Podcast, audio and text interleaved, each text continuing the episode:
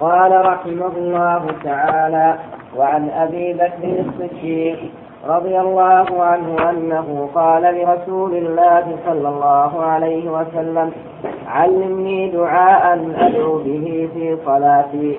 قال قل اللهم إني ظلمت نفسي ظلما كثيرا ولا يغفر الذنوب إلا أنت فاغفر لي مغفرة من عندك. وارحمني إنك أنت الغفور الرحيم. متفق عليه.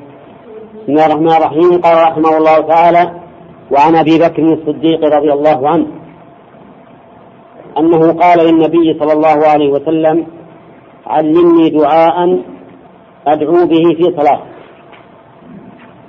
اولا اعرف أهمية هذا الدعاء وقدره بمن سأل وبمن سئل؟ فالسائل أبو بكر الصديق رضي الله عنه وهو أحب الصحابة إلى النبي صلى الله عليه وسلم وهو صاحبه في هجرته. إذا لا بد أن يكون لهذا الدعاء شأن كبير والمسؤول النبي عليه الصلاة والسلام فسوف يعلم الصديق رضي الله عنه أجمع دعائه وأنفعه. وقول علمني دعاء أدعو به في صلاتي. في هذا دليل على طلب العلم حتى من الكبراء وأن الإنسان لا ينبغي له أن يأنف من طلب العلم أو يقول أنا عندي علم فلا أسأل عنه. هذا أبو بكر رضي الله عنه أعلم الصحابة. ومع ذلك سأل النبي صلى الله عليه وسلم أن يعلمه دعاء.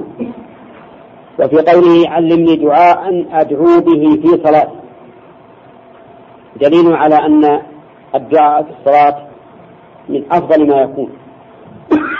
فإن الصلاة فيها السجود الذي قال فيه النبي عليه الصلاة والسلام أقرب ما يكون العبد من ربه وهو ساجد وأمرنا أن نجتهد فيه بالدعاء.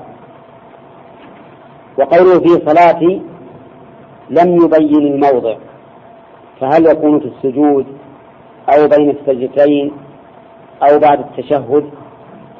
ظاهر صنيع المؤلف رحمه الله أنه يكون بعد التشهد لأنه ذكره في أدعية التشهد ولكن الحقيقة أنه عن الحديث ليس فيه ما يدل على ذلك. فأنت إذا دعوت الله به في حال السجود أو بعد التشهد فكله حسن. وحسن ما يتيسر لك. قال النبي عليه الصلاة والسلام قل اللهم إني ظلمت نفسي ظلما كثيرا. ولا يغفر الذنوب إلا أنت. فاغفر لي مغفرة من عندك وارحمني إنك أنت الغفور الرحيم. هذا جمع بين الاعتراف والسؤال والثناء. فجمع كل أنواع ما يدعى به. لأن دعاء الله عز وجل إما أن يكون بالاعتراف وذكر الحال أو بالثناء المجرد أو بهذا وبهذا جميعا بالدعاء. فهنا دعاء وثناء وذكر حال أما الاعتراف وذكر الحال ففي قوله اللهم إني ظلمت نفسي ظلما كثيرا. الاعتراف من الإنسان بأنه ظلم نفسه. ظلما كثيرا وفي رواية ظلما كبيرا. والفرق بينهما أن الكبر باعتبار الكيفية والكثرة باعتبار الكمية. وأكثر الروايات على على كثيرا ظلما كثيرا. وقال ظلمت نفسي لماذا قال ظلمت نفسي والإنسان يعامل نفسه ولا يظلم وإنما يظلم غيره؟ نقول لأن نفسك أمانة عندك. يجب عليك أن ترعاها حق رعايتها. ولهذا إذا نقصتها شيئا مما يجب لها فإنك تكون ظالما لها. وبماذا يكون ظلم النفس؟ ظلم النفس يدور على شيئين إما تفريط في واجب أو انتهاك لمحرم. هذا ظلم النفس. فمن فرط في واجباته فقد ظلم نفسه. ومن انتهك محارم الله فقد ظلم نفسه. ولهذا قال الله عز وجل ومن يتعد حدود الله فقد ظلم نفسه. وقوله ولا يغفر الذنوب إلا أنت. هذا الثناء. ولا يغفر الذنوب إلا أنت. هذا هو الثناء. ثناء مع الله بأنه لا أحد يغفر الذنوب إلا الله. كما قال الله تعالى في سورة آل عمران ومن يغفر الذنوب إلا الله.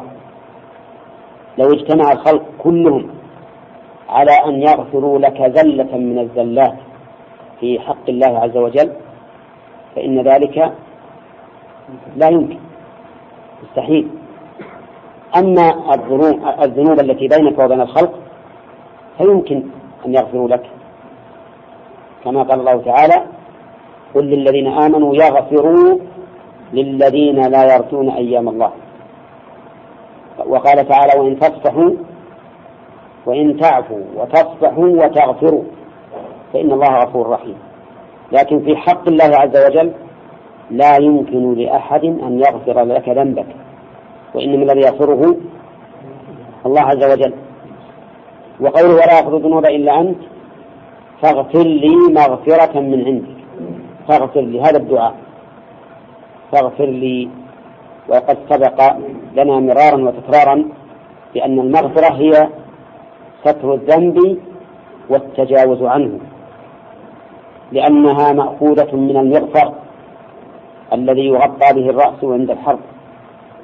والمغفر يستر الرأس ويقيه السهام ففيه ستر ووقاية.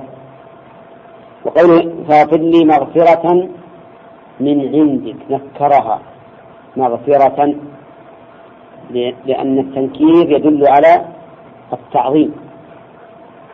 فهنا نكرها للتعظيم ثم زادها تعظيما بقوله من عندك.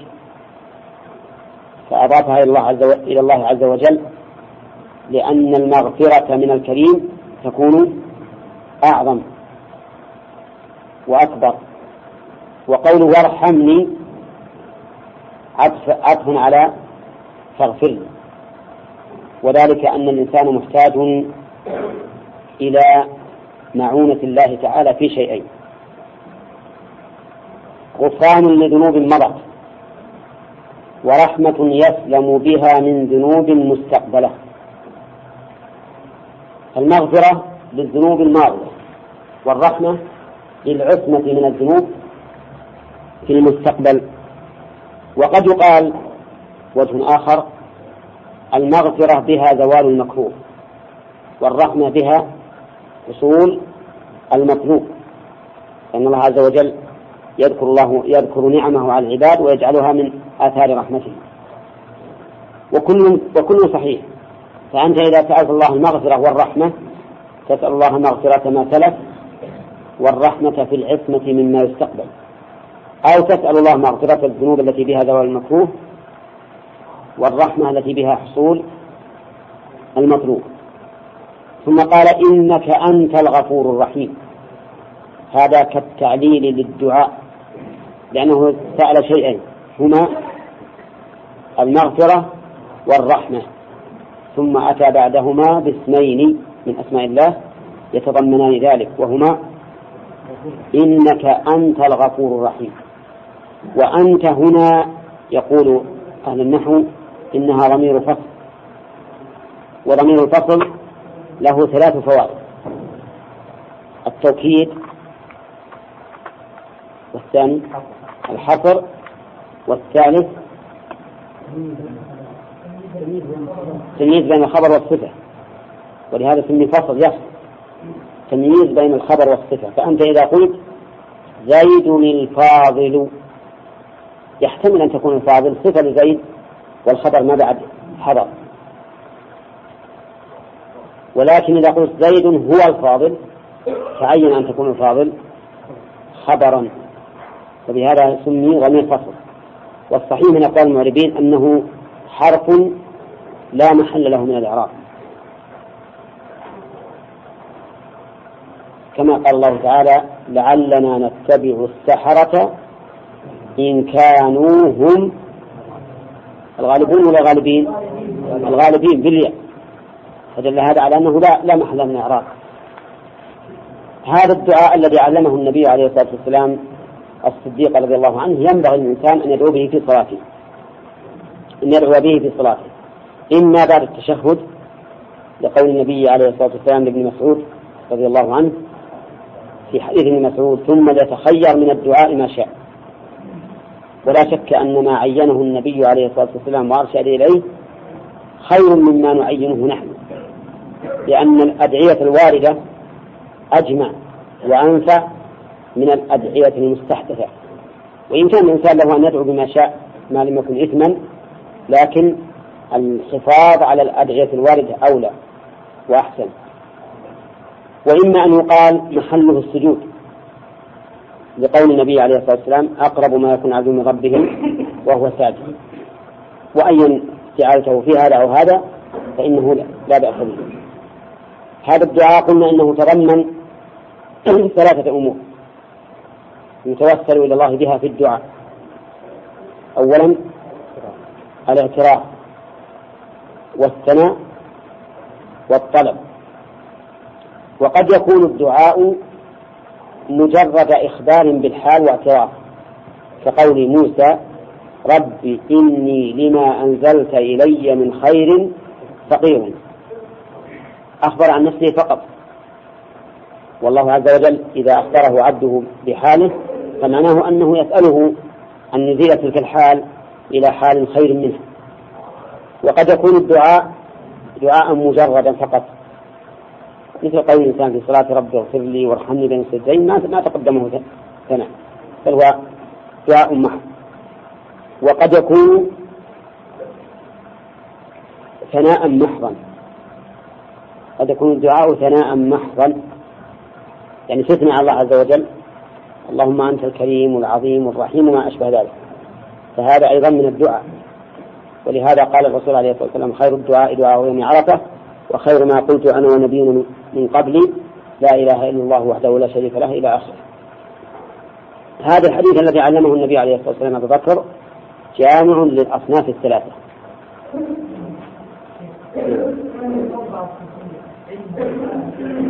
نعم. لا. ما يستدلون به. لأن لأنك نطقت ما سكت. وهم وهم يقولون لا لا تدعو. وهذا من أكبر المنكرات.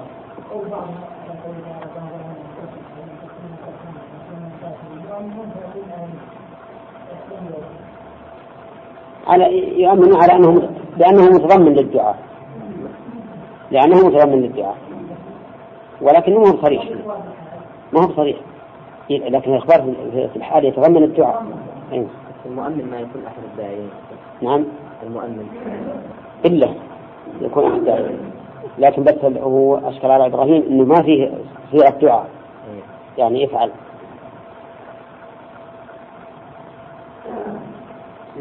نعم. الرشيد ما ورد من أسماء الله. ما ورد ما أذكر أنه ورد إن ربي على صراط مستقيم ورد وهذا هو الرشد لكن بلفظ الرشيد ما ما ما أعرف أنه ورد طيب نستمر في الدرس. نعم. ها؟ نعم. لا ما يصح. الجمع بينهما لا يصح لأن الرواة إنما ذكروا هذا أو هذا. ثم ثم إن ثم إن الرسول عليه الصلاة والسلام ما قال له هكذا. الرسول ما قال إلا أحد اللفظين إيه. وعن وائل بن حجر رضي الله عنه قال صليت مع النبي صلى الله عليه وسلم فكان يسلم عن يمينه السلام عليكم ورحمة الله وبركاته. وعن شماله السلام عليكم ورحمة الله. رواه أبو داود بسند صحيح. هذا الحديث مما يستغرب على المؤلف رحمه الله تصحيحه فإن أكثر الذين خرجوه قالوا إنه ضعيف زيادة وبركاته. ولكن بعض أهل العلم كالمؤلف يرى أن سنده صحيح. فإن كان هذا الحديث صحيحا فإنه ينبغي للإنسان أن يفعله أحيانا. فيقول السلام عليكم ورحمة الله وبركاته. كما أن نسخ أبي داود أيضا اختلفت في رواية هذا الحديث ففي بعضها يقولها في التسليمة الأولى فقط وفي بعضها يقولها في التسليمتين جميعا. السلام عليكم ورحمة الله وبركاته فيهما جميعا. ولكن أكثر الأحاديث الواردة عن الرسول عليه الصلاة والسلام أنه كان يقول السلام عليكم ورحمة الله فقط. ولا يزيد وبركاته. وقد أعل بعض العلماء هذا الحديث بالشذوذ وقال إن الأحاديث الكثيرة المتكاثرة عن النبي عليه الصلاة والسلام ليس فيها ذكر وبركاته والرواة الذي في هذا في هذا السند أيضا متكلم فيه.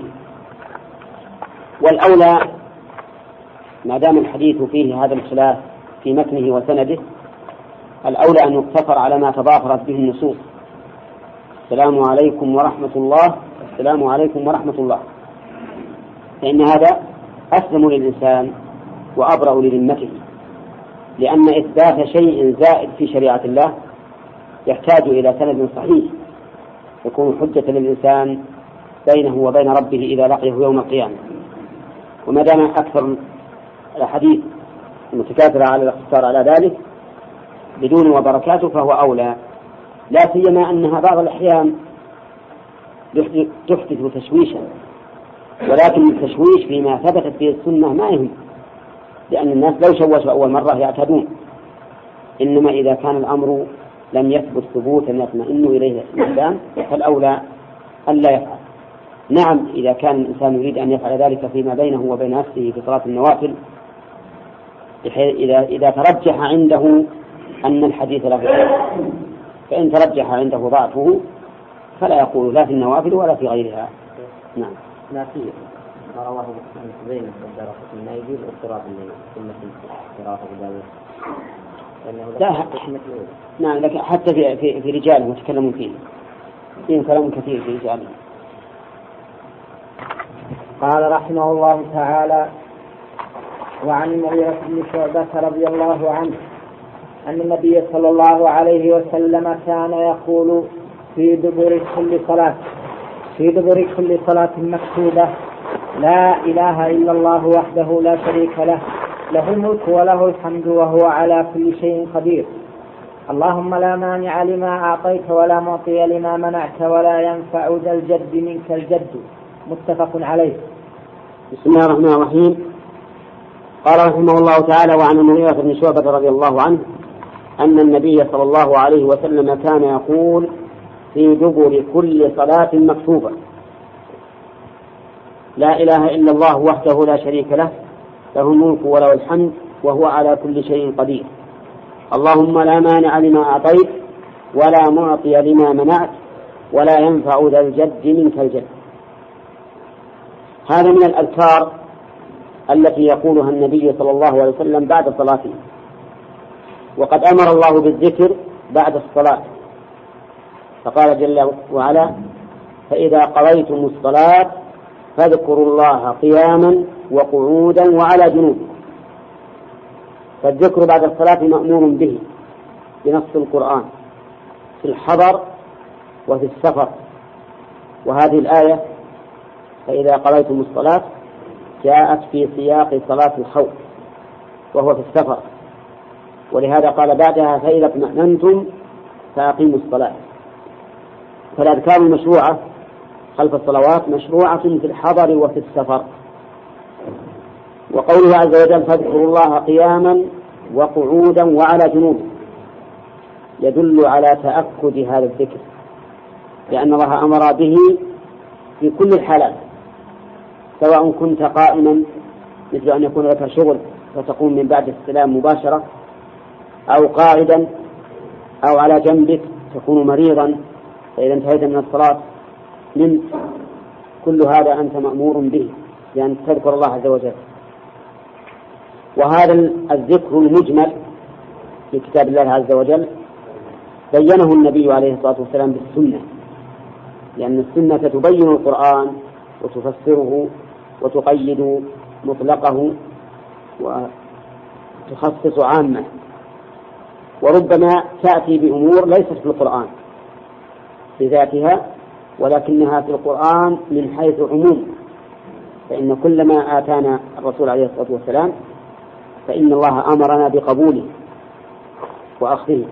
وما نهانا عنه فإن الله أمرنا باجتنابه. مما كان يقوله النبي عليه الصلاة والسلام في أذكار الصلوات هذا الحديث الذي ذكره المغيرة بن شعبة رضي الله عنه. كان يقول لا إله إلا الله وحده لا شريك له. وما معنى لا إله إلا الله؟ يعني لا معبود حق إلا الله. ما تقول لا معبود إلا الله؟ لو قلت أي لا معبود إلا الله كان هذا كذبا. لأن هناك من يعبد من دون الله. ولو قلت لا موجود إلا الله كان هذا قولا بوحدة الوجود. لأن إذا قلت لا موجود إلا الله معناه أن الخلق كلهم الله. لأن الخلق موجودون. ولهذا يغلط من قال لا لا موجود إلا الله لا إله إلا الله أي لا موجود إلا الله. وإن قلت لا إله موجود إلا الله كان هذا أيضا كذب خطأ. وكذب لأنك إذا قلت لا إله موجود قلنا بل هناك إله موجود. كما قال الله تعالى واتخذوا من دون الله آلهة لا لا يخلق لعلهم ينصرون. لا يستطيعون نصرهم وهم لهم جند محضرون وقال فلا تدعوا مع الله إلها آخر. إذا لا إله حق إلا الله. حق وفرق بين موجود وبين حق.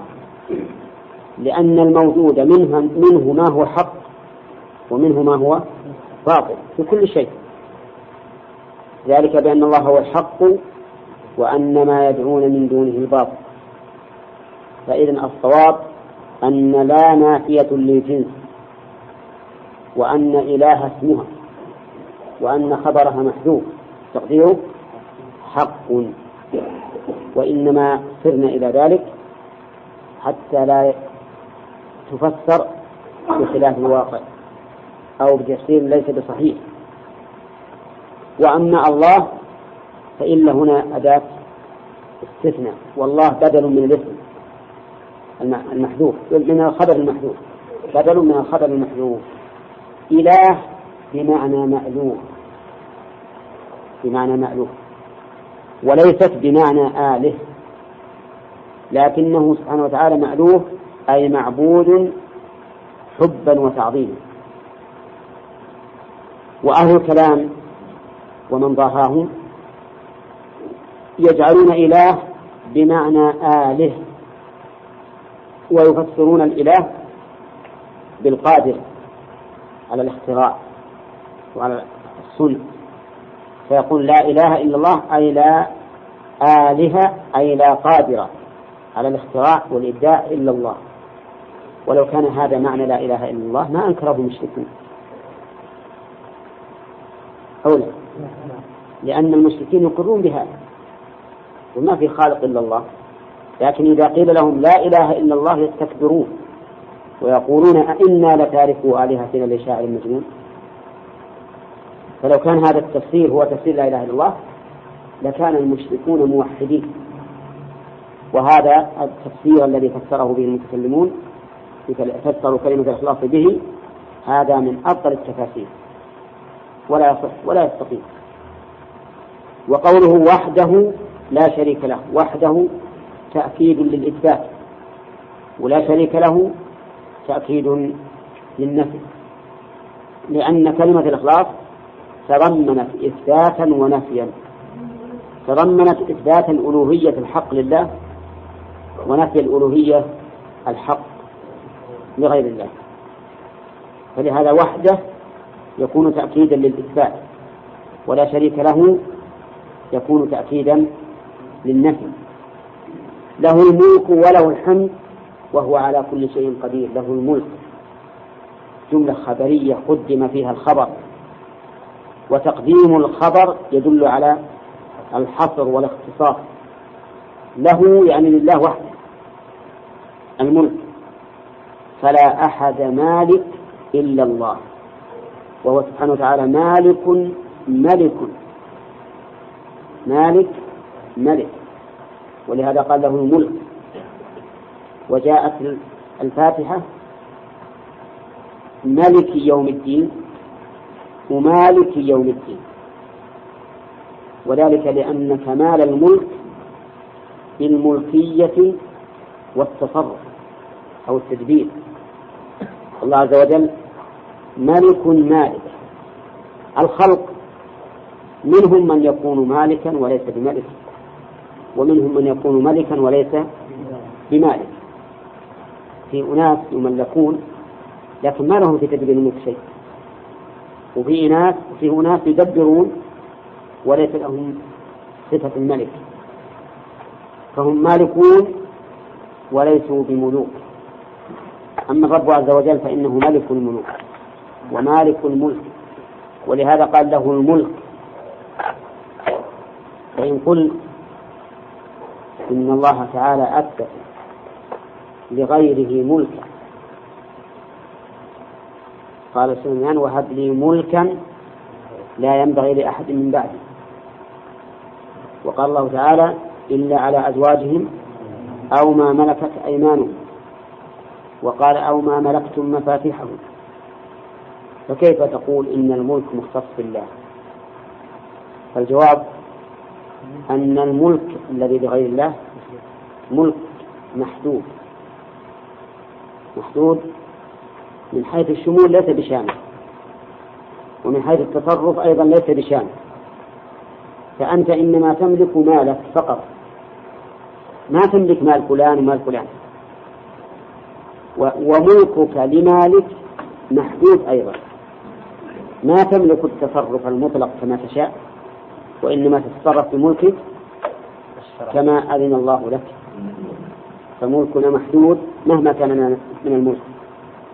وقول له الملك وله الحمد. الحمد هو وصف المحمود بالكمال مع المحبة والتعظيم. وهذا هو الفرق بين الحمد والمدح. المدح تصف الممدوح بصفات الكمال لكن بدون محبة. لكن الحمد تجد قلبك ممتلئا محبة لهذا الموصوف. فالحمد هو وصف المحمود بالكمال مع المحبة والتعظيم. وانظر إلى الفائدة في قرن الحمد بالملك. ليتبين لك أن ملك الله عز وجل مبني على الحمد. فكم من ملك لا يحمد؟ وكم من مالك لا يحمد؟ لكن الرب عز وجل محمود. فملكه مقرون بالحمد. ولهذا قال له الملك وله الحمد وهو على كل شيء قدير. كل شيء فالله تعالى قادر عليه سواء ما يتعلق بأفعاله أو بأفعال الخلق. الله تعالى قادر على أن يوجد المعدوم ويعدم الموجود. وقادر على أن يغير ويحول ويحول الشيء من شيء إلى شيء. قدرة مطلقة لا حدود لها. ولا تقيد بشيء ولا تخصص بشيء. على كل شيء قدير. وما كان الله ليعجزه من شيء في السماوات ولا في الأرض إنه كان عليما قديرا. ثم ختم هذا الذكر بشيء من التفصيل من تمام ملك الله. فقال اللهم لا مانع لما أعطيت ولا معطي لما منعت ولا ينفع ذا الجد منك الجد. لا مانع لما أعطيت يعني أن ما أعطى الله العبد فإنه لا أحد يمنعه. ما معنى ما أعطيت؟ يعني ما وصل إلى المعطى بالفعل أو ما قدرت أن تعطيه. نعم. ما قدرت أن تعطيه. لأن قوله لا مانع المنع يكون قبل الوقوع. فلا أحد يمنع ما أعطاك الله عز وجل أبدا. وهذا كقوله ما ما أصابك لم يكن ليخطئك وما أخطأك لم يكن ليصيبك فالذي قدر الله أن يصل إليك ما أحد يمنعه أبدا. لا بد أن يصل ولا معطي لما منعت. الشيء الذي منعه الله عز وجل لا يمكن أن يعطيك أن يعطيك إياه أحد. ولا يمكن أن يصل إليك. مهما بذلت من الأسباب التي توصل إلى هذا الشيء الذي تريده فإنه لا يمكن أن يصل إليك ما دام الله قد منع ولا معطي لما منع. إذا آمن الإنسان بهاتين الجملتين والإيمان بهما واجب فإنه يعتمد في رزقه على من؟ على الله. وفي دفع الضرر على الله. وفي جلب النفع على الله. ويكون دائما معتمدا على ربه معتقدا أنه سبحانه وتعالى هو حسبه لا غير ولا ينفع ذا الجد منك الجد. الجد قال العلماء هو الحظ والغنى. ذا الجد أي صاحب الجد. منك متعلق بينفع. ولهذا كلمة ينفع إما أن تضمن معنى يغني أو معنى يمنع. صاحب الغنى وصاحب الحظ. لا ينفعه حظه من الله ولا غناه من الله. وإذا أراد الله بقوم سوءا فلا مرد له. أينما تكونوا يدرككم الموت ولو كنتم في بروج مشيدة. فصاحب الحظ والغنى مهما كان عنده ما ينفعه ولا ينفع ذا الجد منك الجد. ما قال جده؟ قال الجد. يعني حتى لو كان هذا الجد أعظم شيء فإنه لا يمكن أن ينفعه من الله عز وجل. وهذا إذا آمن الإنسان به ويجب عليه أن يؤمن به يستلزم أن يكون الإنسان معتمدا على ربه في حمايته. لا على جنده ولا على ماله ولا على نصيبه وحظه وإنما هو على ربه وحده لا شريك له. وبهذا التقرير الذي لم نفي بنا تدل عليه هذه الكلمات العظيمة يتبين أهمية هذا الذكر بعد الصلاة. لا إله إلا الله وحده لا شريك له له الملك وله الحمد وهو على كل شيء قدير. اللهم لا مانع لما أعطيت ولا معطي لما منعت ولا ينفع إلى الجد منك الجد. قولها اللهم. أصلها يا الله. لكن حذفت ياء النداء تيمنا بذكر اسم الله قبل. وعوض عنها الميم. اللهم. بالدلالة عليها. واختيرت الميم دون غيرها من الحروف لدلالتها على الجمع الجمع كأن الداعي جمع قلبه على الله سبحانه وتعالى. الله أعلم. قول مكتوبة. يعني الصلوات الخمس ولا الصلاة الواجبة يعني؟ الظاهر المكتوبة الصلاة الخمس لأن للعهد. الله تعالى وعن سعد وعن سعد بن أبي وقاص رضي الله عنه أن رسول الله صلى الله عليه وسلم كان يتعوذ بهن دبر كل صلاة. اللهم إني أعوذ بك من البخل وأعوذ بك من الجبن وأعوذ بك من أن أرد إلى أرض العمر وأعوذ بك من فتنة الدنيا وأعوذ بك من عذاب القبر. رواه البخاري. خلص الأول. إيه.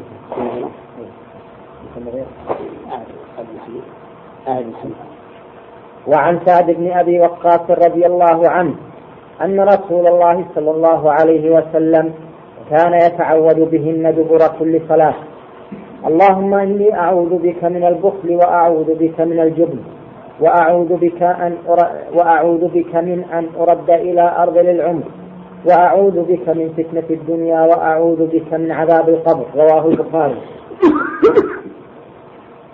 بسم الله الرحمن الرحيم. قال رحمه الله تعالى وعن سعد بن أبي وقاص رضي الله عنه أن النبي صلى الله عليه وسلم كان يتعوذ بهن دبر كل صلاة. يتعوذ بهن. هذا فيه عود الضمير على متأخر لفظا ورتبة وهو شاذ وقليل. كما قال ابن مالك وشذ نحو زان نوره الشجر.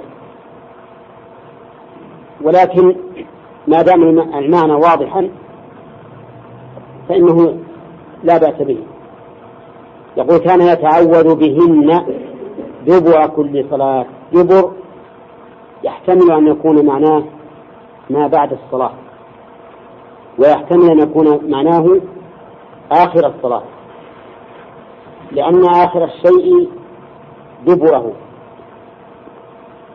فآخر الشيء دبر الشيء هو آخره. وكذلك دبر الشيء ما كان بعده. فتسبحون وتحمدون وتكبرون دبر كل صلاة ثلاثة وثلاثين. المراد ما بعد الصلاة. وقوله صلى الله عليه وسلم لمعاذ لا تدعن أن تقول دبر كل صلاة. اللهم أعني على ذكرك. هذا في آخر الصلاة قبل السلام. والمرجح أن ما كان ذكرا فالمراد بالدبر فيه ما بعد الصلاة. وما كان دعاء فالمراد بالدبر فيه ما كان في آخر الصلاة. والقرينة التي ترجح ذلك أن الذكر أمر الله به بعد الصلاة. فقال فإذا قضيتم الصلاة فاذكروا الله. فيكون كل ذكر قيد بدبر الصلاة يكون بعده. وأما الدعاء فإننا فإننا نرجح أن دبر الصلاة فيه آخرها. وذلك لقول النبي عليه الصلاة والسلام في حديث ابن مسعود ثم يتخير من الدعاء ما شاء. ولأن الإنسان يدعو الله عز وجل في أثناء الصلاة قبل أن ينصرف منها. والإنسان في صلاته كما قال النبي عليه الصلاة والسلام يناجي ربه. وعلى هذا فيكون المشروع أن يدعو بهذه الدعوات أو يتعوذ بهذه الأشياء من هذه الأشياء في آخر الصلاة. يقول اللهم إني أعوذ بك من البخل وأعوذ بك من الجبن. كلاهما شح ومنع لكن البخل منع لبذل المال في في محله. والجبن منع لبذل النفس في محله. ولهذا ضد الجبن الشجاعة وضد البخل الكرم.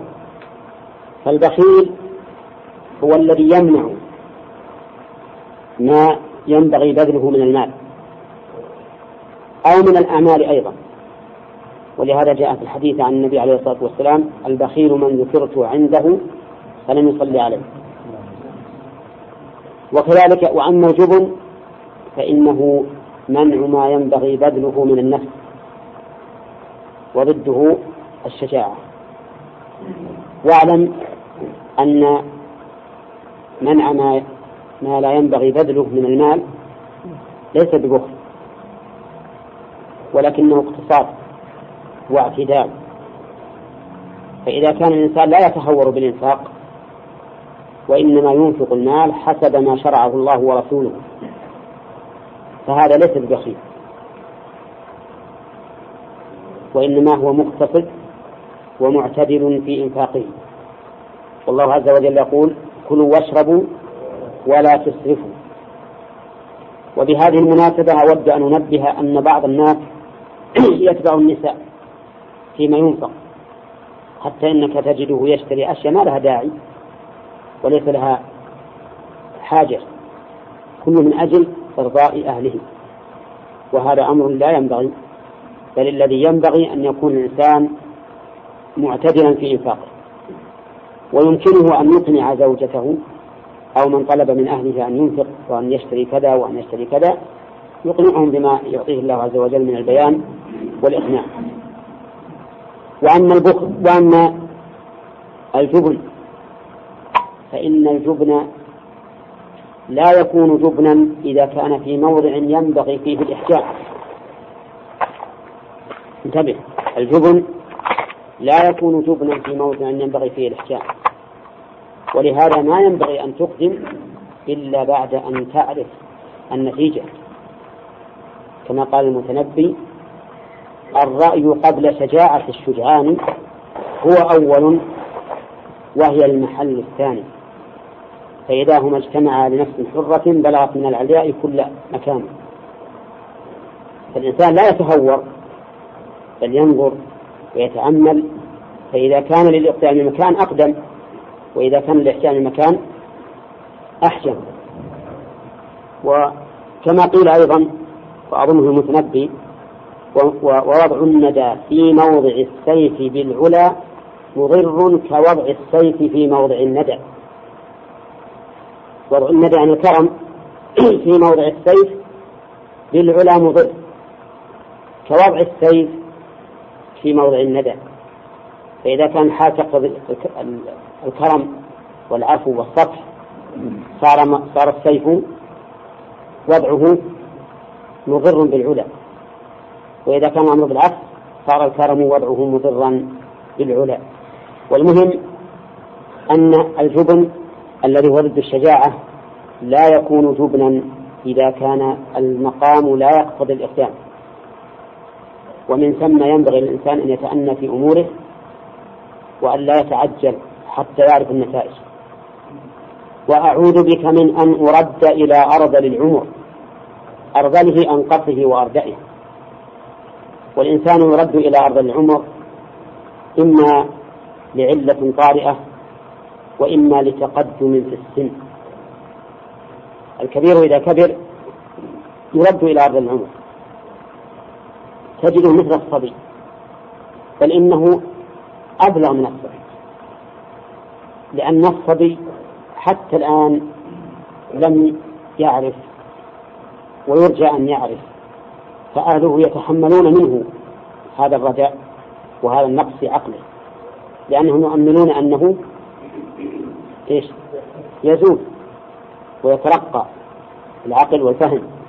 لكن الذي والعياذ بالله وصل إلى كبر حتى صار عقله بمنزلة الصبي يكون الرجاء فيه بعيد فيتعب أكثر. ثم إن هذا الذي رد إلى أرض العمر قد عرف بعض الأشياء ولهذا تجد بعض الأحيان يصر على أهله أن يأتوا بها. مثلا إذا كان من أصحاب الغنم صار يهدي بالغنم. يوقظ أهله من النوم في وقت الليل ويجيبوا للعنزة الفلانية مثلا. وإذا كان من من أهل الأموال تجد أيضا يهدي فيها. هذا يتعب. لكن الصبي هل في باله هذا الشيء؟ حتى يتعبهم أبدا.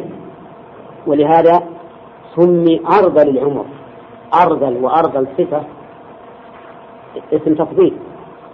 يعني ما في العمر أرذل منه ولا حالة الصغر. ولا حالة الصغر. من أن يرد إلى أرذل العمر أقول إن أرذل العمر قد يكون طارئا وقد يكون طارئا عارضا كما لو حصل الإنسان نسأل الله العافية وجع في دماغه من حادث أو غيره وقد يكون بسبب الكبر. وأعوذ بك من فتنة الدنيا وأعوذ بك من عذاب القبر. من فتنة الدنيا فتنة الدنيا تقدمت لنا تقدم لنا معناه وهو كل أمر أو بالأصح تعود إلى أمرين. إما شبهات وإما شهوات. إما شبهات أو شهوات. الشبهات معناه أن الإنسان يخفى عليه الحق. يخفى عليه الحق. إما لكثرة البدع والأفكار السيئة أو لغير ذلك من الأسباب فتجده يكون حيران والعياذ بالله. ما يدري أين يذهب. وإما شبهة وإما شهوة. يكون عارفا بالحق عالما به لكنه لا يريد.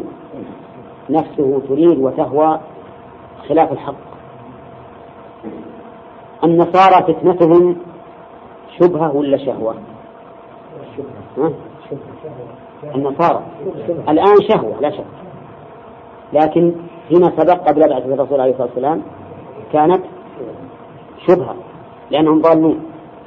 واليهود شهوة لأنهم عالمون بالحق. وكل من خالف الحق عالما به فقد فتن فتنة شبهة شهوة والعياذ بالله. وكل من خالف الحق جاهلا به فقد فتن فتنة شهوة. شبهة. كثير من الناس الآن فتنوا في الدنيا فتنة, فتنة شهوة. يعلمون ما أوجب الله عليهم. ولا أظن الناس في عصر من العصور المتأخرة كانوا أعلم في المسائل الشرعية من عصرنا هذا. لكن والعياذ بالله صار عندهم شهوات. ميل إلى الباطل. أو ما كتبوا. يشتبه عليه. لو كان عنده قرار وعقيدة سليمة لكن مع التلبيس والعياذ بالله صار قد يشتبه عليه الحق. وأعوذ بك من عذاب القبر. عذاب القبر ثابت كما سبق في القرآن. والسنة وإجماع المسلمين. ثابت في القرآن والسنة وإجماع المسلمين. ما دليله من القرآن؟ دليله من القرآن عدة آيات. منها قوله تعالى أن في آل فرعون النار يعرضون عليها غدوا وعشيا. ويوم تقوم الساعة أدخلوا آل فرعون أشد العذاب. ومنها قوله تعالى ولو ترى إذ الظالمون في غمرات الموت والملائكة باسطوا أيديهم أخرجوا أنفسكم اليوم تجزون عذاب الهون. اليوم وأل هنا للعهد. ما نوعه؟ للعهد الحضور. مثلها في قوله تعالى اليوم أكملت لكم دينكم.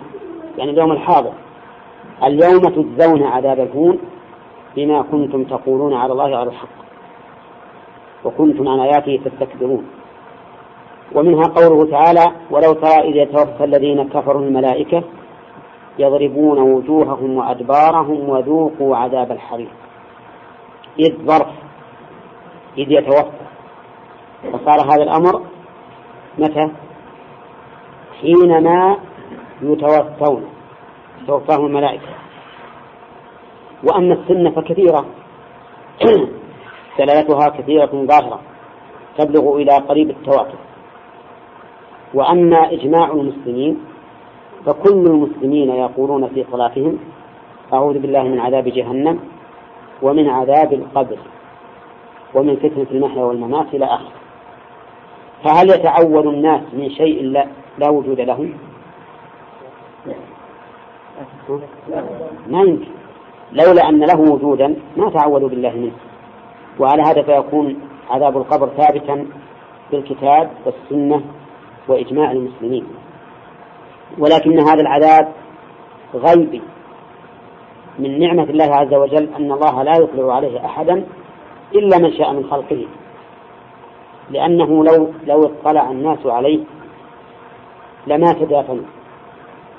ولو اطلع الناس عليه لكان في ذلك فضيحة للمقبور. ولو اطلع الناس عليه لكان في ذلك عار على أهله ولو اطلع الناس عليه لكان في ذلك أذى على أهله. ولكن من حكمة الله عز وجل أن الله أخفاه. ولو اطلع الناس عليه أيضا ما كان للإيمان به فائدة. لأنه يكون الآن من أمور الشهادة. والفضل كل الفضل للإيمان بالغيب. عذاب القبر الأصل أنه عن الروح ولكنه ولكنها قد تتصل بالبدن ولا سيما حال الدفن. حين يسأل الإنسان عن ربه ودينه ونبيه فإنه يضرب بمرزبة من حديد إذا لم يجب. يصيح صيحة يسمعها كل شيء إلا الثقلين. نعوذ بالله. وقد ثبت عن النبي عليه الصلاة والسلام أنه مر بقبرين في المدينة وقال إنهما لا يعذبان وما يعذبان في كبير أما أحدهما فكان لا يستبرئ من البول وأما الآخر فكان يمشي في النميمة. فهذه الخمس كان الرسول عليه الصلاة والسلام يتعوذ بهن دبر كل صلاة. اللهم إني أعوذ بك من البخل وأعوذ بك من الجبن وأعوذ بك من أن أرد إلى أرض العمر وأعوذ بك من فتنة الدنيا وأعوذ بك من عذاب القبر. نعم.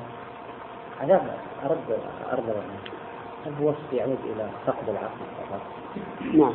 يعني مثلا لو بقي عقل الرجل بعد ما كبر لكنه مثلا صار معاه. ما يتحرك إيه. مو هذا من أرض أرض العمر؟ هذا من أرض العمر من من حيث القوة الجسمية. أما الأول وهو المتبادل. من مراد القوة الذهنية الفكرية. هذا هو المتبادل. ولذلك إتعاب الإنسان الذي زال عقله وذهنه أشد من إتعاب الذي بدنه مشلول أو ما أشبه ذلك.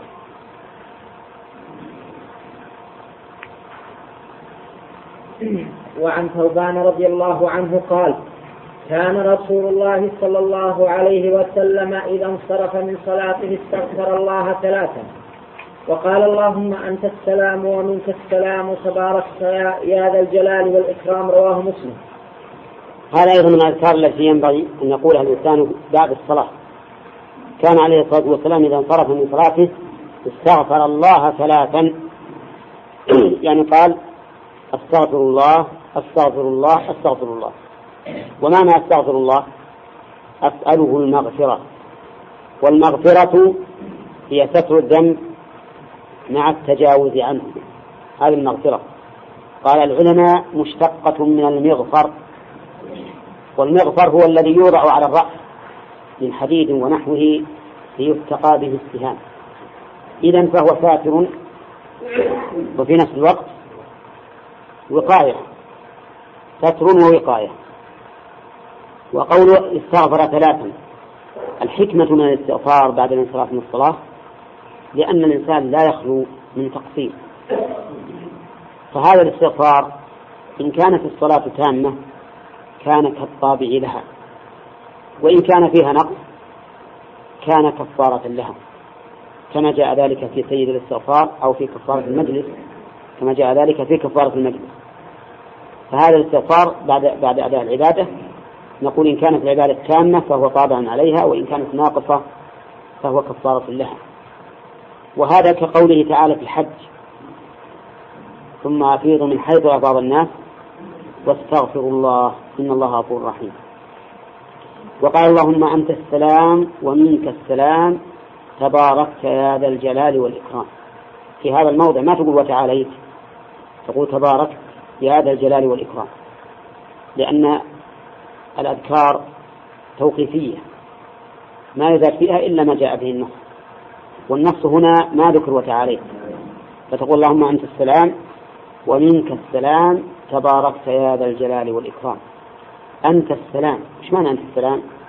يعني السالم من كل نقص ومن كل عيب. الله عز وجل سلام أي سالم من كل نقص ومن كل عيب. فإذا قلت هذه الصيغة فعال كيف تحولها إلى فاعل؟ نقول هذه من باب الصفة المشبهة.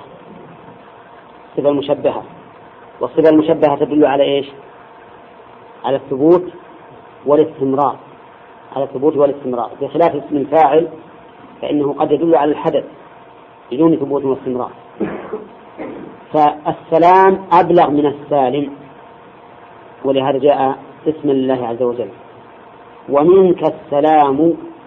هنا السلام بمعنى التسليم. كالكلام بمعنى التكليم. يقال كلمته كلاما وكلمته تسليما. فسلام هنا بمعنى تسليم. أي منك التسليم يعني أنك أنت المسلم لمن تشاء من خلقك. فالسلامة ما تطلب إلا من الله عز وجل وهو جل وعلا سالم سلام. سالم من كل نقص وعيب. تباركت يا ذا الجلال والإكرام. تباركت قلنا إن المعنى كثرت خيراتك. لأن أصل البركة الخير الثابت الدائم. مأخوذ من بركة الماء. لكثرة الماء فيها وسعتها ودوامه وثبوته فيها. فمعنى تباركت أي أنك يا ربنا كثير الخيرات والبركات. وهنا ما قال بوركت بل قال تباركت لأن التبارك صفته. بخلاف غيره فإنه يكون مبارك وليس هو المتبارك. ولهذا قال الله تعالى عن عيسى وعن يحيى وجعلني مباركا أينما كنت. لكن تفاعل صفة ذاتية فيه. تباركت يا ذا الجلال والإكرام ذا بمعنى صاحب. والجلال بمعنى العظمة يعني يا صاحب العظمة. والإكرام لها معنيان. أحدهما أنه أهل لأن يكرم عز وجل وأن يعظم. والثاني أنه مكرم لمن يستحق الإكرام من خلقه بالثواب الجزيل والثناء وهذا الإكرام يتعلق بالله عز وجل وبالخلق. فبالله من حيث أنه محل التكريم والتعظيم وبالخلق لأنهم مكرمون يكرمهم الله عز وجل.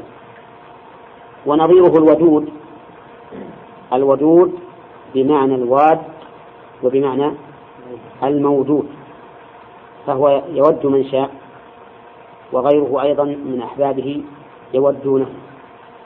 إذا الإكرام صفة تتعلق بالخالق وبالمخلوق. بالخالق أنه محل أنه أهل لأن يكرم ويعظم وبالمخلوق أنه يكرم من يستحق الإكرام من خلقه.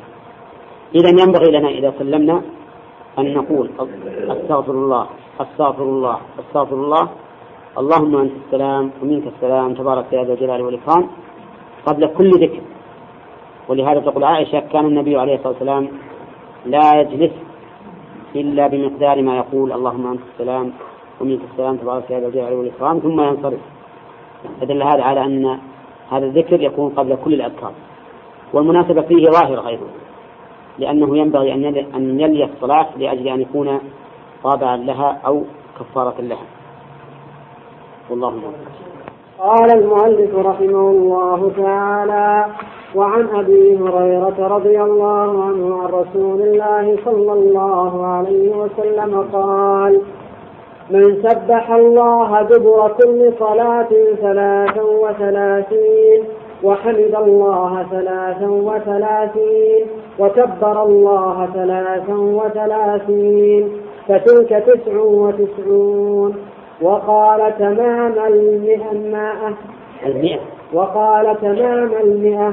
لا إله إلا الله وحده لا شريك له له الملك وله الحمد وهو على كل شيء قدير. غفرت غفرت خطاياه ولو كانت مثل زبد البحر رواه مسلم. وفي رواية أخرى أن التكبير أربع وثلاثون.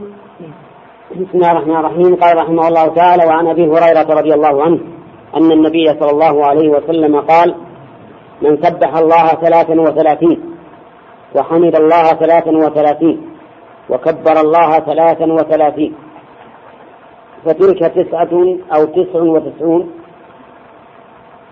ثم قال تمام المئة لا إله إلا الله وحده لا شريك له له الملك وله الحمد وهو على كل شيء قدير. من قالها دبر كل صلاة يعني مكتوبة غفرت خطاياه وإن كانت مثل زبد البحر. غفرت خطاياه. وإن كانت مثل زبد البحر يعني في كثرتها. وزبد البحر كثير لا يحصيه إلا الله عز وجل. ففي هذا دليل على فضيلة هذا الذكر دبر الصلوات. كل صلاة مكتوبة. الفجر والظهر والعصر والمغرب والعشاء. تسبح الله ثلاثة وثلاثين. فتقول سبحان الله سبحان الله سبحان الله سبحان الله حتى تكمل ثلاثة وثلاثين. وتقول بعد ذلك الحمد لله الحمد لله الحمد لله الحمد لله حتى تكمل ثلاثة وثلاثين. وتقول الله أكبر الله أكبر الله أكبر حتى تكمل ثلاثة وثلاثين. فهذه تسع وتسعون كلمة. تسع وتسعون كلمة. ولهذا جاءت تسع وتسعون. ما قال تسعة؟ عندك تسعة ولا تسعة؟ تسع يعني تسع ك... تسع وتسعون كلمة. يقول تمام المئة لا إله إلا الله وحده لا شريك له له الملك وله الحمد وهو على كل شيء قدير. وفي لفظ لمسلم أن التكبير أربع وثلاثون بدون الذكر بدون لا إله إلا الله. وبالتكبير أربع وثلاثون تكمل المئة. ما معنى سبحان الله؟ معنى سبحان الله تنزيها لله عز وجل. تنزيها لله عن ماذا؟ عن كل نقص. الله عز وجل كامل من جميع الوجوه كامل في أسمائه. وفي صفاته وفي أفعاله. فأسماؤه كلها حسنى تدل على معانيها الحسنة التي لا أحسن منها وصفاته كلها عليا. يقول الله عز وجل ولله الأسماء الحسنى ويقول وله المثل الأعلى يعني الوصف الأكمل. وكذلك أفعاله فإن أفعاله كلها حميدة مرتبطة بالحكمة. فهو سبحانه وتعالى يفعل ما يشاء لحكمة فهو منزه عن العبث منزه عن اللهو منزه عن اللغو منزه عن الباطل منزه عن كل عيب قال الله تعالى وما خلقنا السماء والأرض وما بينهما باطلا وما خلقنا السماوات والأرض وما بينهما لاعبين. لو أردنا أن نتخذ لهوا لاتخذناه من لدنا إن كنا فاعلين. وقال عز وجل وما ربك بغافل عما يعملون. وقال تعالى ولقد خلقنا السماوات والأرض وما بينهما في ستة أيام وما مسنا من لغوب. إلى غير ذلك من مما يدل دلالة ظاهرة على أن الله تعالى منزه عن كل عيب. ولهذا ينزه عن نفي السمع أو نفي البصر أو نفي الحكمة أو نفي المغفرة أو نفي الرضا أو ما أشبه ذلك. خلافا لمن قال والعياذ بالله إن الله تعالى لا سمع له ولا بصر له ولا حكمة له ولا رحمة له ولا مغفرة له ولا يحب ولا يحب والعياذ بالله. ووصفوه بصفات النقص الكاملة مدعين أنهم بذلك أثبتوا له الكمال. وهم والله إنما أثبتوا له النقص والعياذ بالله. من حيث لا يشعرون. فلا أحد يصف الله تعالى بأكمل مما وصف به نفسه.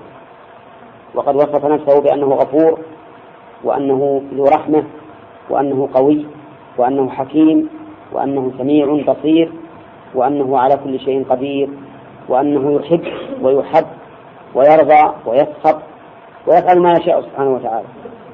فهو منزه عن كل نقص.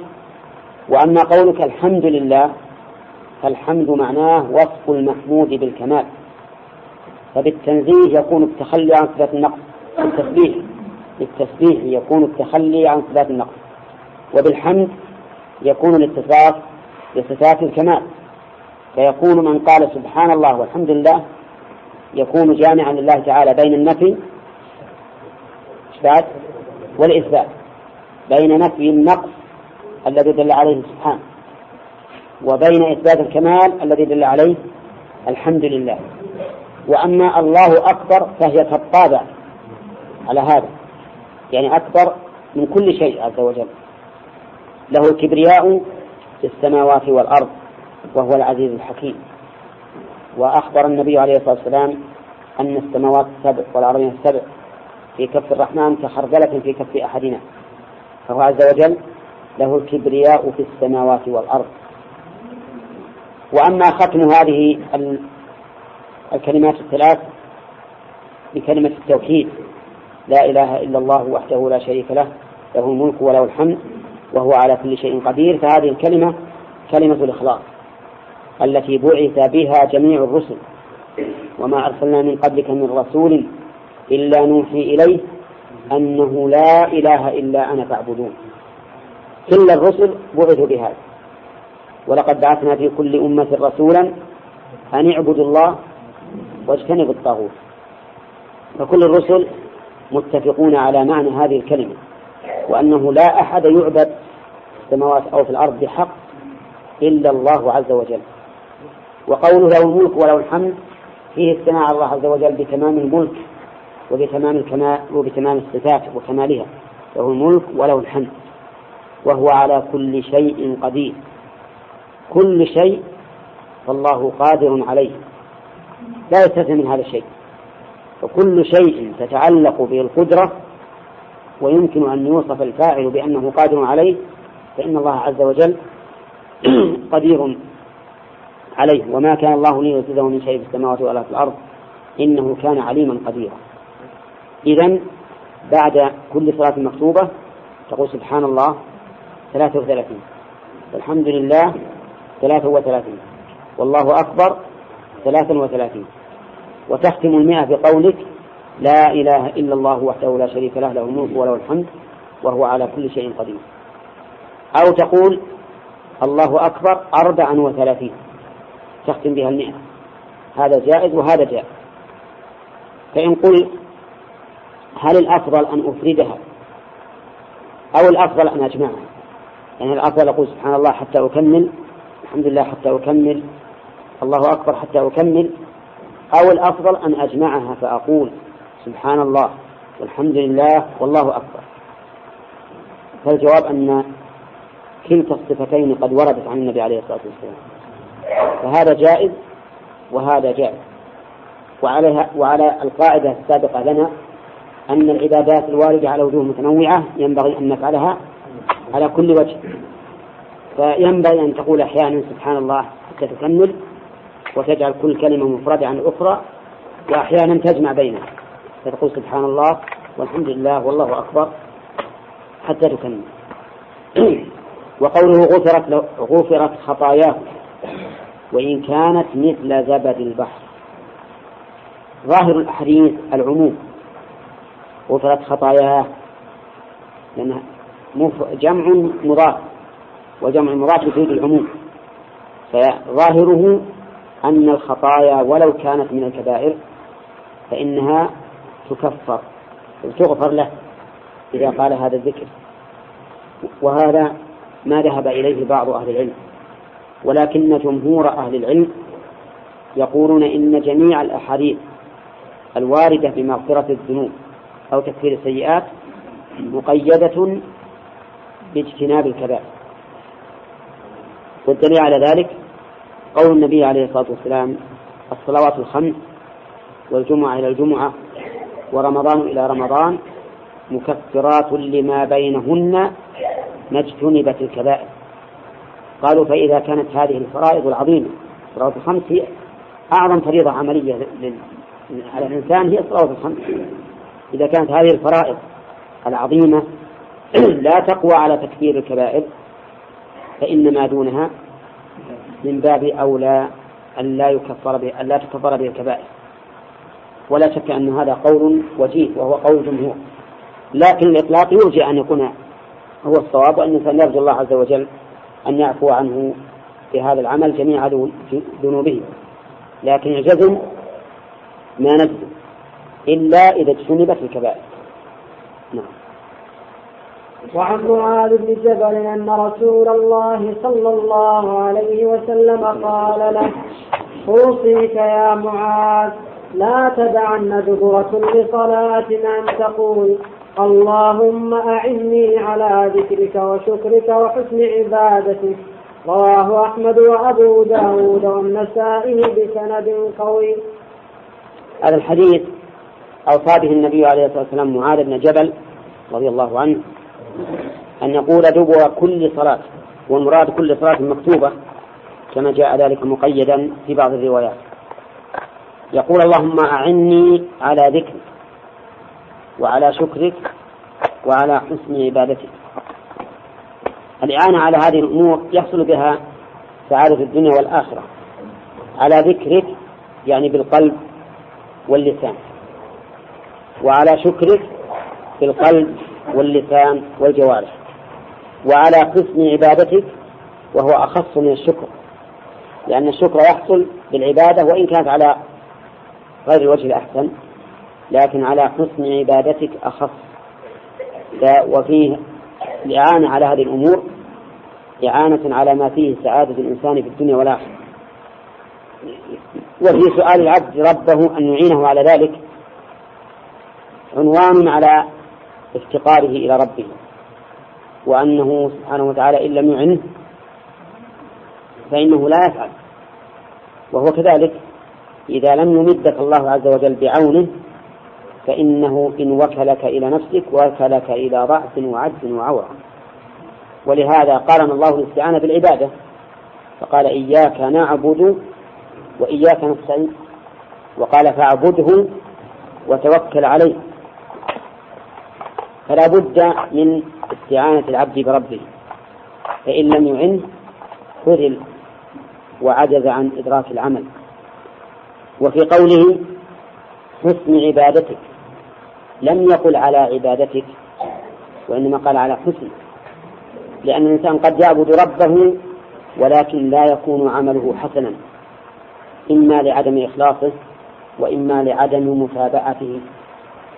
والعمل لا يكون حسنا إلا بأمرين بالإخلاص لله والمتابعة لرسول الله صلى الله عليه وسلم. وقول أن تقول دبر كل صلاة اختلف العلماء في معنى دبر. فقال بعض العلماء أي بعد الصلاة. وهذا هو المشهور عند أكثر أهل العلم. وقال بعض العلماء في دبر كل صلاة أي في آخر الصلاة قبل السلام. وهذا اختيار شيخ الإسلام ابن تيمية رحمه الله. قال لأن محل الدعاء آخر الصلاة لا ما بعد الصلاة. اللي بعد الصلاة الذكر وأما الدعاء فهو قبل. وعلى هذا فإذا جاءت دبر إن كان دعاء فهو قبل السلام. وإن كان ذكرا فهو بعد السلام. الدليل من القرآن والسنة. أما من القرآن في الذكر فقد قال الله تعالى فإذا قضيتم الصلاة فاذكروا الله.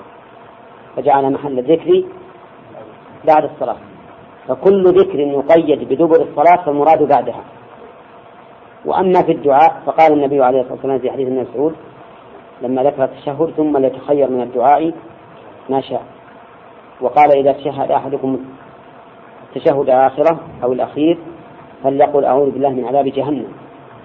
فجعل النبي عليه الصلاة والسلام ما بعد ما بعد التشهد وقبل التسليم محلا للدعاء. وحديث معاذ هذا قد ورد في بعض ألفاظه أن الرسول أمره أن يقول في صلاته. لا تدعنا أن تقول في صلاته.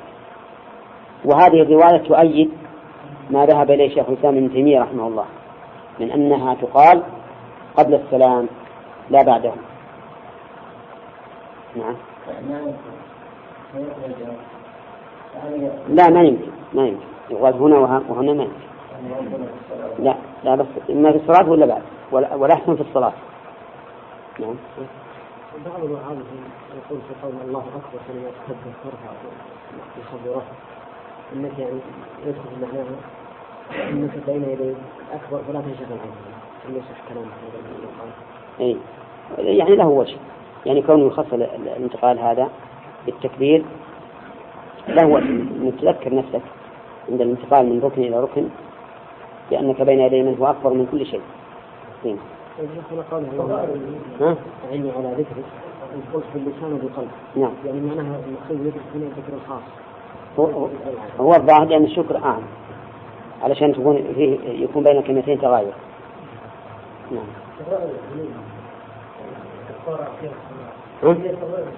إيش؟ الصغائر الذنوب هي ما سوى الكبائر. وكأنك تقول وما هي الكبائر؟ نعم. الكبائر يقول العلماء كل ذنب رتب عليه عقوبة خاصة. كل ذنب يعني توعد عليه بعقوبة خاصة فهو كبيرة فمثل الزنا كبيرة. لأن فيه حدا في الدنيا. شرب الخمر كبيرة لأنه ملعون شاربه. الربا كبيرة. القذف كبيرة. التولي يوم الزحف كبيرة. الغش كبيرة. كون الإنسان لا يحب لأخيه ما يحب لنفسه كبيرة أيضا. وهذه مسألة يجب أن نشوف نفتش. اللي ما يحب لأخيه ما يحب لنفسه هذا فعل كبير. نرجع عنه أتانا سلمين من هذا. نعم. نعم. الغيبة من الكبائر. الغيبة من كبائر الذنوب. الرسول يقول لا يؤمن أحدكم حتى يحب لأخيه ما يحب لنفسه. لا يؤمن. قال شيخ الإسلام كل ذنب نفي الإيمان عن فاعله فهو من كبائر الذنوب. يعني أعظم عقوبة أنه ينفع عنك الإيمان. هذه فتش عن قلبك الإنسان. هل أنت تحب لأخيك ما تحب لنفسك؟ فانسان منها الكبيرة هل فيك شيء ما تحب لأخيك أن الله سبحانه وتعالى يعطيه مال أو يعطيه ولد أو يعطيه علم؟ إذا كنت ما تحب هذا فأنت مصر على كبيرة. مصر على كبيرة من كبائر الذنوب. ولهذا مسألة مسألة القلوب من أصعب من أصعب ما يكون تخليصها على الإنسان. يعني أعمال القلوب أشد من أعمال الجوارح. أعمال الجوارح كل واحد يزينها يقدر يزينها أليس كذلك؟ كل واحد يقدر يزين صلاة في ركوعها من أحسن من أحسن شيء وفي سجودها وفي قيامها وفي قعودها. نعم. هذا ممكن. لكن صلاح القلب هذا من أصعب ما يكون. صعب جدا. ولهذا نسأل الله أن يعينه وإياكم على صلاح القلوب. وإذا صلحت القلوب صلحت الأبدان. واحد يقول إنه ينصح إنسان يقول له يا أخي لا تحلق لحية هذا حرام عليك يقول فقال لي التقوى ها هنا يشير إلى صدر. كلمة حق. الرسول صلى الله عليه وسلم قال التقوى ها هنا وأشار إلى صدره لكنها كلمة حق من هذا الرجل الذي دافع بها عن نفسه عن حلق لحيته أريد بها باطل. كلمة حق أريد بها باطل. والجواب على كلام سهل جدا. وش يقول؟ يقول لو صلح ها هنا لصلح ها هنا. ها؟ لو صلح القلب لصلحت اللحية. لأن الرسول عليه الصلاة والسلام يقول ألا وإن في الجسد مضغة؟ إذا صلحت صلح الجسد كله. إذا صلحت صلح الجسد كله وإذا فسدت فسد الجسد كله. سبحان الله. يعني بعض العلماء أبو هريرة رضي الله عنه شبه القلب بالملك والأعضاء بالجنود وقال إن الأعضاء كجنود الملك. لكن هذا التشبيه مو مثل كلام الرسول عليه الصلاة والسلام. كلام الرسول شرط إذا صلحت صلح. هذا مرتب على هذا. ترتيب لزومي. لكن لكن الملك إذا أمر الجنود قد يتمردون. ولا لا؟ بخلاف إذا صلح صلاح الجسد. لكنه لكنه تشبيه تقريبي من أبي هريرة رضي الله عنه. شوف إذا صلح صلاح الجسد. وفي هذا دليل على أن محل التدبير للبدن كله هو القلب وهو الدماغ. الدماغ يفكر ويعدل ويزين ويرسل إلى القلب والقلب يأمر. فالتفكير لا شك أنه في الدماغ لكن يرسل إلى القلب. يرسل إلى القلب والقلب يوجه أوامر هو الذي يوجه الأوامر على الإرادات والقصد ولهذا النية محلها القلب مو الراس وهذا أحد القولين في مسألة التقريب بين الواقع وبين ما دلت عليه النصوص من أن العقل بالقلب. يقول التفكير في المخ والتوجيه في القلب. ففي المخ التصور والإدراك وفي, وفي القلب التدبير والتصريف والتوجيه. ولهذا فتكون لهم قلوب يعقلون بها. ما قال يدركون يعقلون. لأن العقل المدبر هو الذي يوجه نعم. وأما الإمام أحمد رحمه الله فقال إن العقل في القلب وله اتصال في الدماغ وشبهه بعض المعاصرين بالدينامو المولد للكهرباء في اللمبة. قال اللمبة هذا الدماغ. والقلب الدينامو. فما فالطاقة التي في القلب اللي في الدينامو ما تظهر إلا باللمبة. كذلك الطاقة التي في القلب ما تظهر إلا بالدماغ. لكن في ظني أن التوجيه, التوجيه الأول أحسن. أن التفكير في الدماغ والتدبير في القلب. لقول الرسول عليه الصلاة والسلام إذا صلحت صلح الجسد كله. وإذا فسدت فسد الجسد كله. المهم آه، أننا نقول لهؤلاء الذين أحيانا أحيانا يعارضون الإخوة الداعين إلى الله. يعارضونهم إذا قيل لهم اترك الربا قالوا التقوى ها هنا. اترك الخمر قال التقوى ها هنا. اترك حلق اللحية قال التقوى ها هنا. اترك حقوق الوالدين قال التقوى ها هنا. ما بقي شيء. إذا كانت ما تتقي بجوارحك فلا تقوى عندك في قلبك. لو اتقى القلب لاتقت الجوارح بلا شك. اللهم بسم الله الرحمن الرحيم. الحمد لله رب العالمين والصلاة والسلام على أشرف الأنبياء والمرسلين. قال رحمه الله تعالى وعن أبي أمامة رضي الله عنه قال قال رسول الله صلى الله عليه وسلم من قرأ آية الكرسي دبر كل صلاة مكتوبة لم يمنعه من دخول الجنة إلا الموت. رواه النسائي وصححه ابن حبان وزاد فيه الطبراني وقل هو الله أحد. بسم الله الرحمن الرحيم. قال رحمه الله تعالى وعن أبي أمامة رضي الله عنه أن النبي صلى الله عليه وسلم قال من قرأ آية الكرسي دبر كل صلاة مكتوبة لم يمنعه من دخول الجنة إلا الموت. آية الكرسي هي التي ذكر فيها الكرسي وهي قوله تعالى الله لا إله إلا هو الحي القيوم لا تأخذه سنة ولا نوم له ما في السماوات وما في الأرض من ذا الذي يشفع عنده إلا بإذنه. يعلم ما بين أيديهم وما خلفهم ولا يحيطون بشيء من علمه إلا بما شاء. وسع كرسيه السماوات والأرض ولا يؤوده حفظهما وهو العلي العظيم. هذه آية الكرسي. أما قوله لا إكراه في الدين فليس من آية الكرسي. لأن آية الكرسي آية واحدة وهي هذه. وقد سأل النبي عليه الصلاة والسلام أبي بن كعب رضي الله عنه قال أي آية أعظم في كتاب الله؟ قال آية الكرسي. فضرب على صدره وقال ليهنك العلم أبا المنذر. يعني هنأه بعلمه حيث علم أن أعظم آية في كتاب الله هي آية الكرسي. وأما أعظم سورة فإنها سورة الفاتحة. هي أعظم سورة في كتاب الله.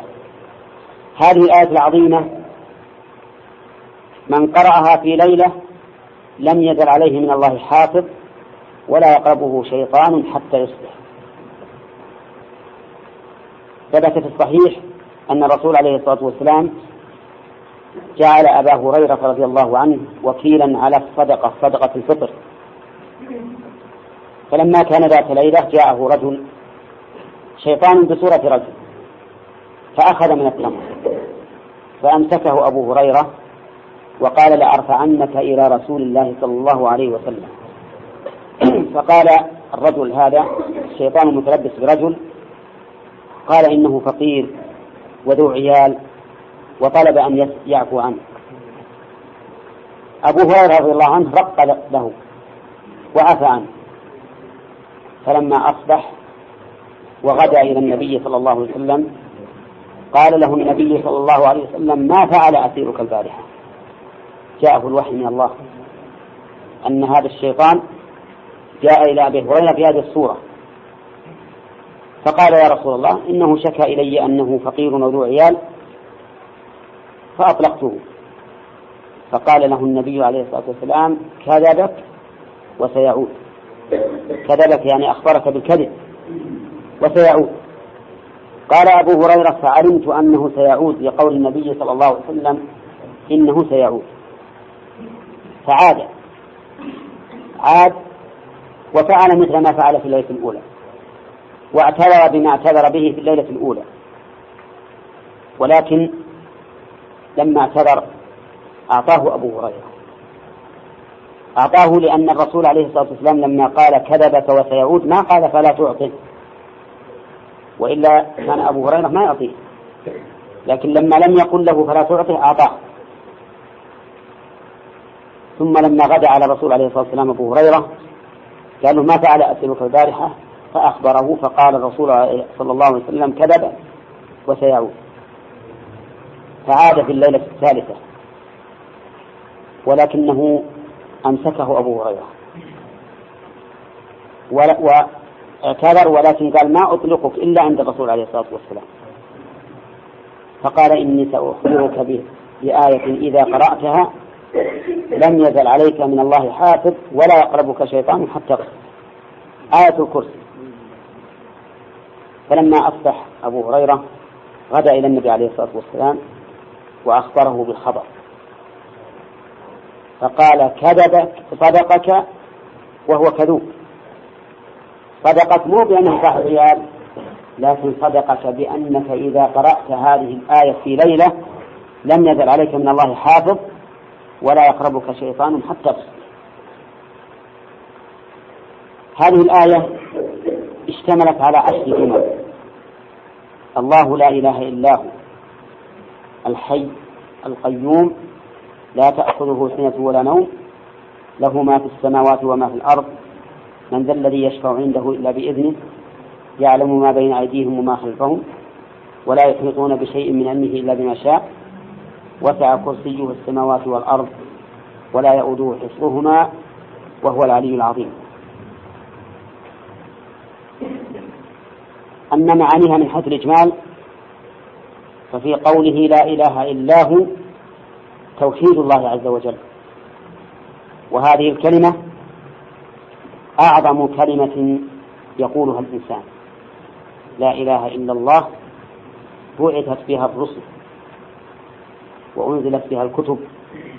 وما أرسلنا من قبلك من رسول إلا نوحي إليه أنه لا إله إلا أنا فاعبدون. وفي الأثر الذي قال الله تعالى فيه لموسى لو أن السماوات سبع وعامرهن غيري والأراضين السبع في كفة ولا إله إلا الله في كفة نالت بهن لا إله إلا الله. كلمة هذه عظيمة. لأن فيها توحيد الله بالألوهية. لا إله إلا الله. إثبات ونفي.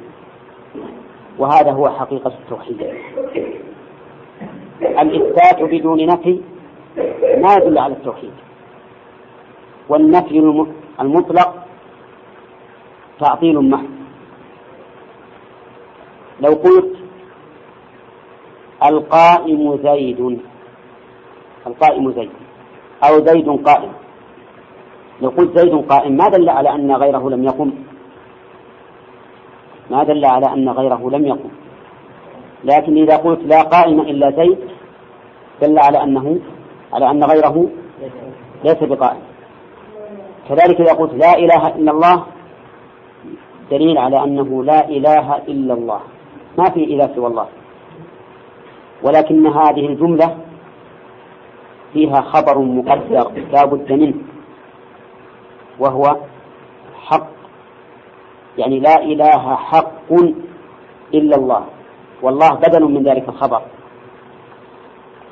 لأننا نقول لا بد من هذا التقدير حيث إنه يوجد آلهة تعبد من دون الله تسمى آلهة.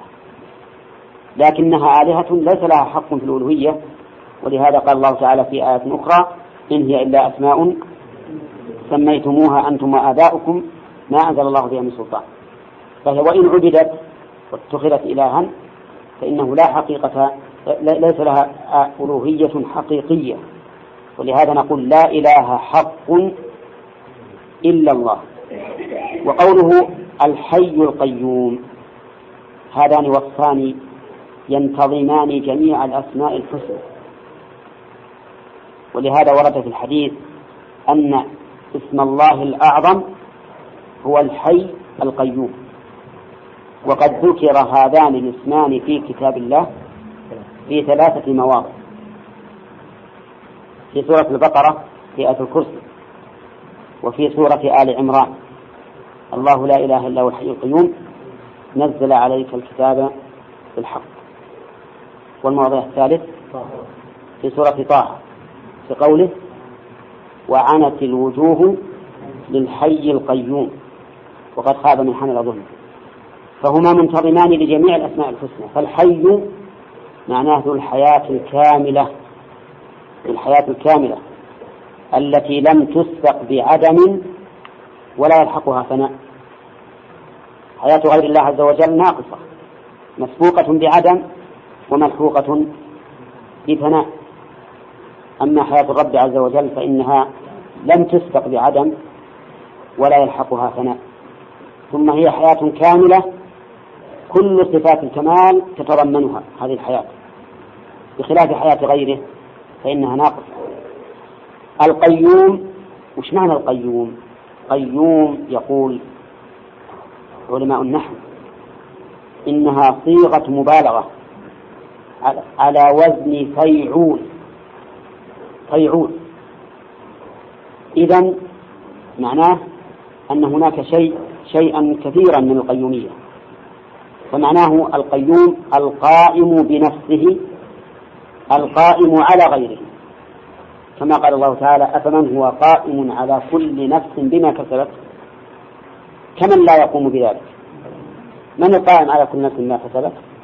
الله عز وجل ما من دابة إلا هو آخذ بناصتها فهو القائم على غيره ومن آياته أن تقوم السماء والأرض بأمره.